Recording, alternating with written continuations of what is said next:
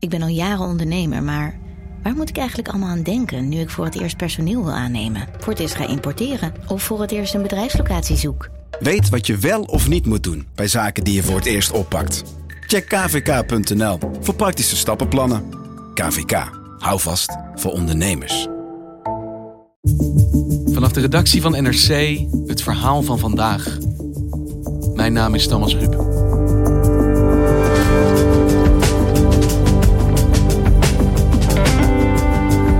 Vandaag zijn op de klimaattop in New York alle ogen gericht op de Braziliaanse president Jair Bolsonaro. Wat gaat hij zeggen over de situatie in de Amazone, waar deze zomer tienduizenden hectare regenwoud zijn platgebrand? Voor NRC-correspondent Nina Jurna reden om zelf te gaan kijken in de inmiddels zwart geblakende longen van de wereld.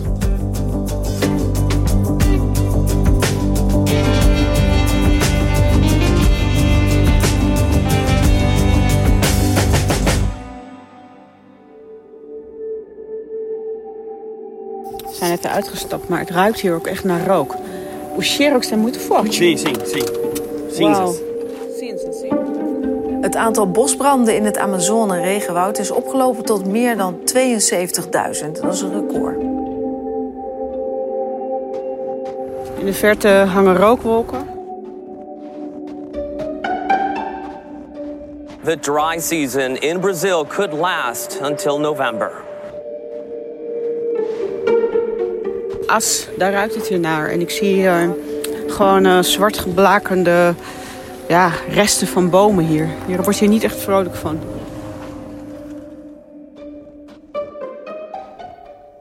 Hey Nina, je bent net teruggekomen uit de Amazone. Wat heb je daar de afgelopen dagen gedaan? Nou, ik was daar omdat er eh, de afgelopen vijf, zes weken enorme branden hebben gewoed in de Amazone. En eh, afgelopen week laaide het in een aantal deelstaten weer op. En werd in een van de deelstaten, Mato Grosso, werd de noodtoestand uitgeroepen. En toen dacht ik, nou, nu moet ik erheen. De, de problemen zijn nog niet voorbij. En eh, toen heb ik het vliegtuig eh, genomen en ben ik de Amazone ingegaan. Kun je dat enigszins in perspectief plaatsen? Want ik, als ik naar de kaart van Brazilië kijk, en dat heb ik eigenlijk altijd ook bijna een raar gevoel in mijn buik. Alsof ik naar de ruimte kijk, zeg maar. Het is zo ontzettend groot. Hoe groot is dan het gedeelte dat is aangetast? Nou, je moet je voorstellen dat de cijfers schommelen tussen zeg 72.000 branden en 80.000 branden. Dat is het laatste cijfer wat ik heb gehoord, dus dat is gigantisch. En dat zijn kleinere branden, maar ook grotere branden. En vergeleken met exact hetzelfde tijdstip een jaar geleden... is het aantal branden met meer dan 85% toegenomen. En als je kijkt naar het gebied, dan heb je het echt al over eh, tienduizenden hectares aan tropisch regenwoud... wat op dit moment verwoest is. En je timing is volgens mij ook wel goed, want de president Jair Bolsonaro die spreekt vandaag in New York, begrijp ik.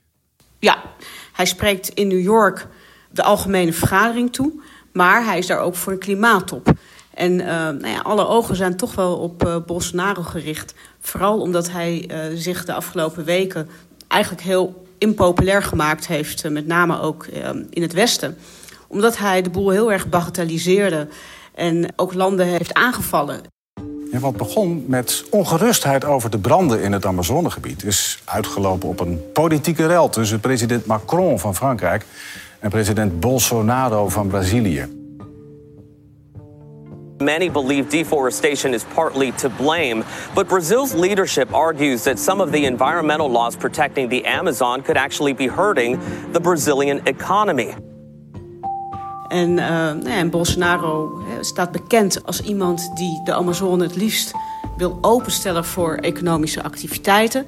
Dus ik verwacht dat hij behoorlijk aan de tand gevoeld gaat worden. En ik ben heel benieuwd wat hij, hoe hij zich daar doorheen slaat en wat hij ook uh, gaat vertellen. En Nina, jij bent zelf naar de Amazone gegaan om te zien uh, hoe het er daar is. Wat, wat trof je aan daar? Nou, ik ben naar de deelstaat uh, Mato Grosso gegaan. En dat is een van de negen deelstaten in de Amazone die uh, zwaar getroffen was. En ik ben als eerste naar een uh, natuurreservaat gegaan... waarvan ik gehoord had dat het uh, drie dagen eerder nog in brand stond.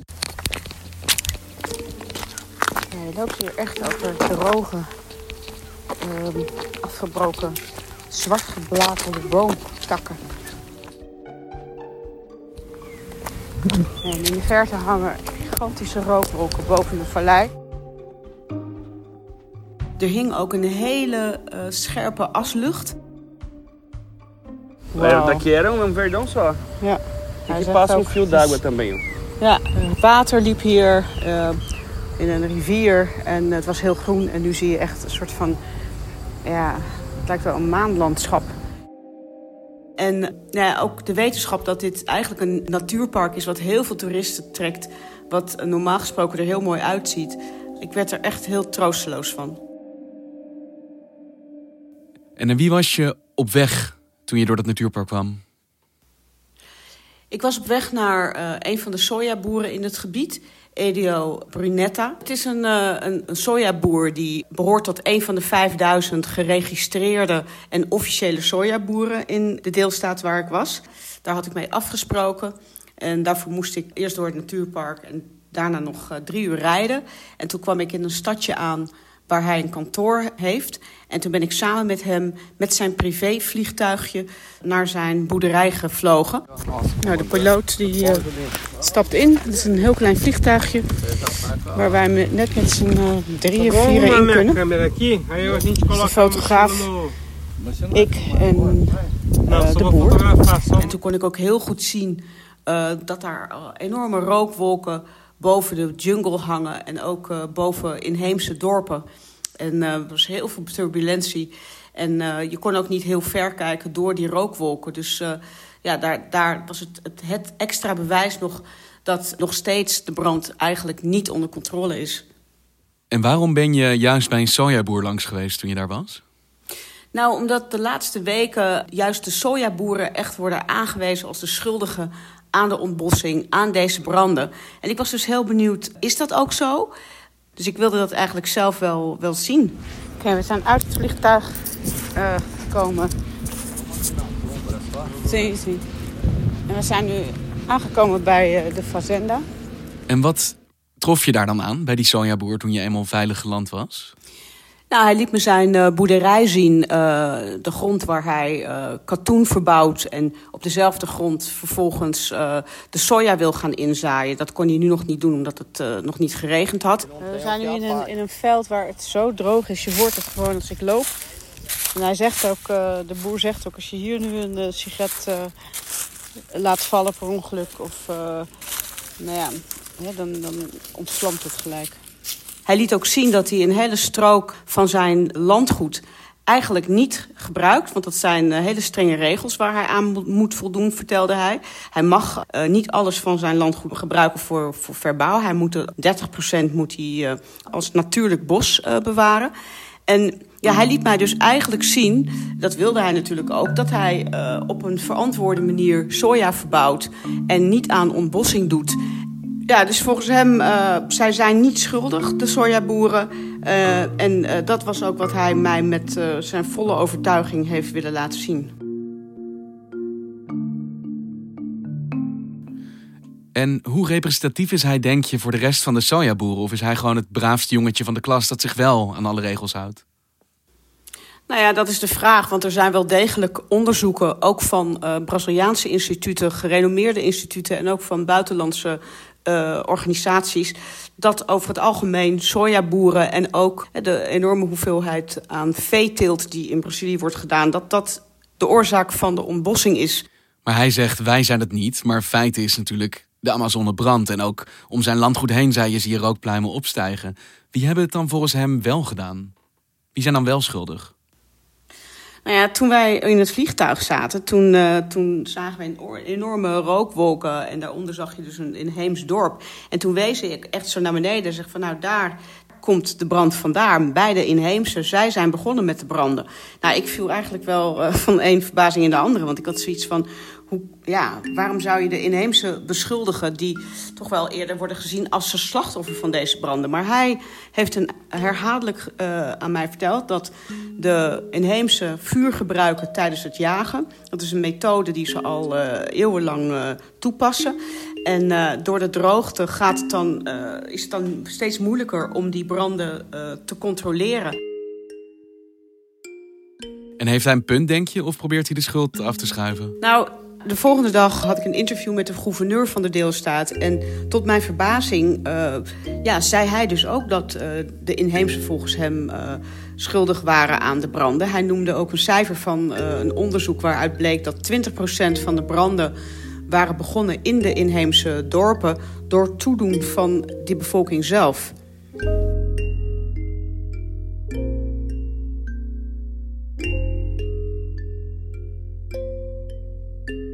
Dus zowel de boeren als de gouverneur zeggen... die inheemse bevolking is er voor een groot deel voor verantwoordelijk. En ik geloof dat het ook is wat we Bolsonaro al een hele tijd horen zeggen.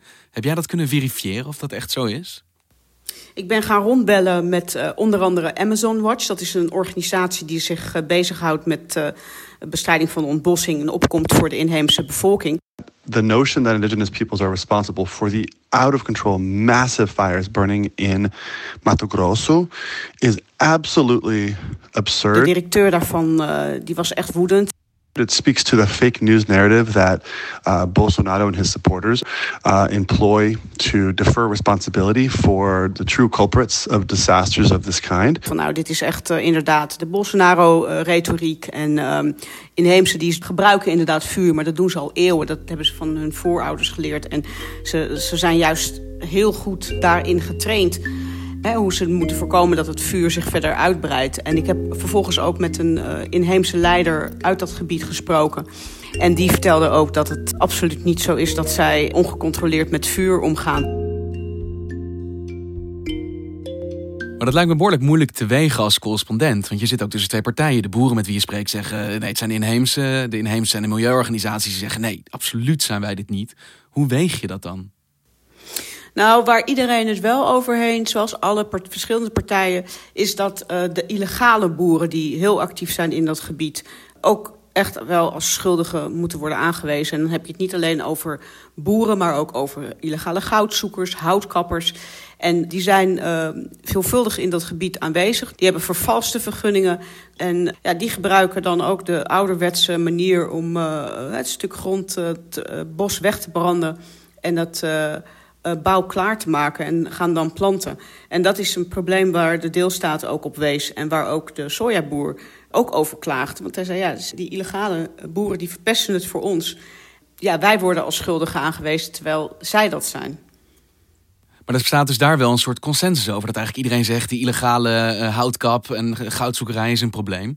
Dan ligt daar toch ook de oplossing. Wordt daar dan niet tegen opgetreden, tegen deze mensen? Nou, dat is dus ook weer het, het grote probleem uh, wat gekomen is sinds de verkiezing van Bolsonaro. Namelijk sinds Bolsonaro president is, is hij ontzettend gaan snijden in de budgetten van overheidsorganisaties die belast zijn met deze controle van uh, illegale houtkap, van illegale boeren. Een van die organisaties is IBAMA. En uh, sinds uh, Bolsonaro eerst hebben zij uh, meer dan 20% minder budget gekregen. Er zijn kantoren gesloten. Er zijn mensen ontslagen. Dus de controle is een stuk minder. Waardoor het voor deze illegale boeren ook weer makkelijker is. En daarbij, je hebt een president die veelvuldig roept van... Uh, ik ga de Amazone openstellen voor economische activiteiten. En waardoor zij zich, he, die illegale, gesterkt voelen.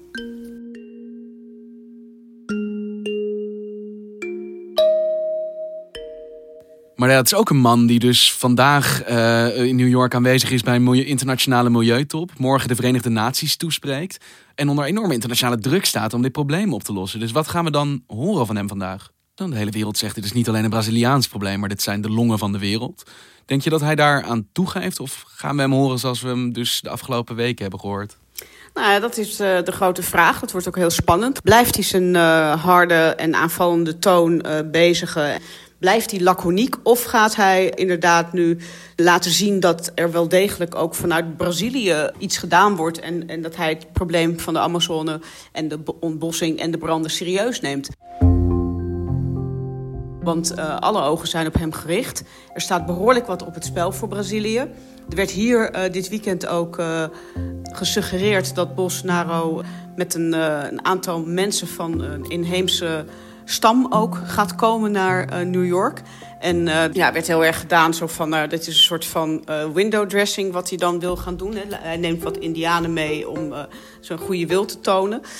Maar het geeft dus wel aan dat, dat hij wel ja, doorheeft dat hij niet met zijn verhaal wat hij tot nu toe heeft gehouden, dat hij daarmee voor de dag kan komen. Dus ik verwacht uh, nou, dat hij zijn toon wel gaat veranderen. Maar of dat betekent dat Brazilië daadwerkelijk iets gaat veranderen en of hij dat ook allemaal meent, dat vraag ik me af. hij noemde de inheemse parasieten die een beetje in de weg zitten daar in, in het bos. Dat heeft hij zo vaak gezegd en ook nu nog. Dat als hij dan nu ineens ten overstaan van de internationale gemeenschap een ander verhaal gaat ophangen, dat je ook moet afvragen hoe serieus meent hij dat.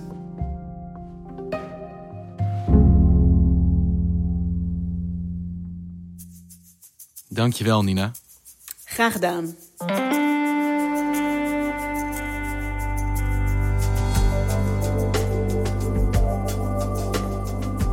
Je luisterde naar vandaag, een podcast van NRC. Eén verhaal, elke dag. Dit was vandaag, morgen weer.